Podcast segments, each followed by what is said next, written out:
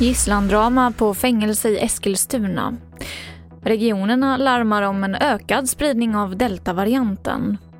Och det ser ut att bli ett rekordår för hjortron. TV4-nyheterna börjar med att två kriminalvårdare har tagits som gisslan på en anstalt utanför Eskilstuna.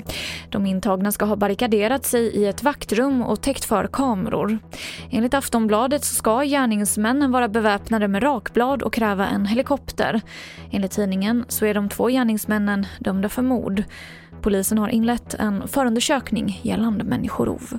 Insatsen eh, pågår fortfarande för fullt här och eh, sen strax efter tre idag så har eh, polisen då beslutat att inleda en särskild händelse med anledning av den pågående insatsen vi har vid Hällbyanstalten. Det sa Angelica Israelsson Silver på polisen Region Öst. Och mer om detta på tv4.se.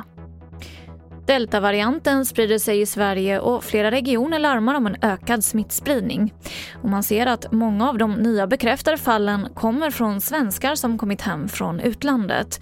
Och enligt en professor på Karolinska institutet så är fjärde vågen här. Imorgon är det tio år sedan terroristen Anders Behring Breivik mördade 77 personer i Oslo och på Utöja. Och idag besökte statsminister Stefan Löfven Utöja för en minnesstund för att hedra offer och överlevande.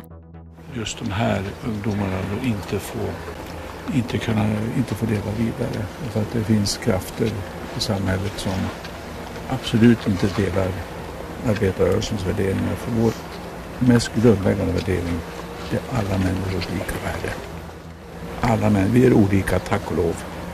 Olikheten berikar oss, men värdet är detsamma och det stod de här ungdomarna upp för. Och vi avslutar med ett glädjebesked till alla hjortronälskare. För det ser ut att bli ett rekordår och det rapporteras om rikliga mängder av skogens guld. Framförallt i Västerbotten men även i Jämtland så säger bärföretagen att plockarna i snitt får ihop mellan 25 och 30 kilo hjortron om dagen. Och det här var det senaste från TV4 Nyheterna. Jag heter Emily Olsson.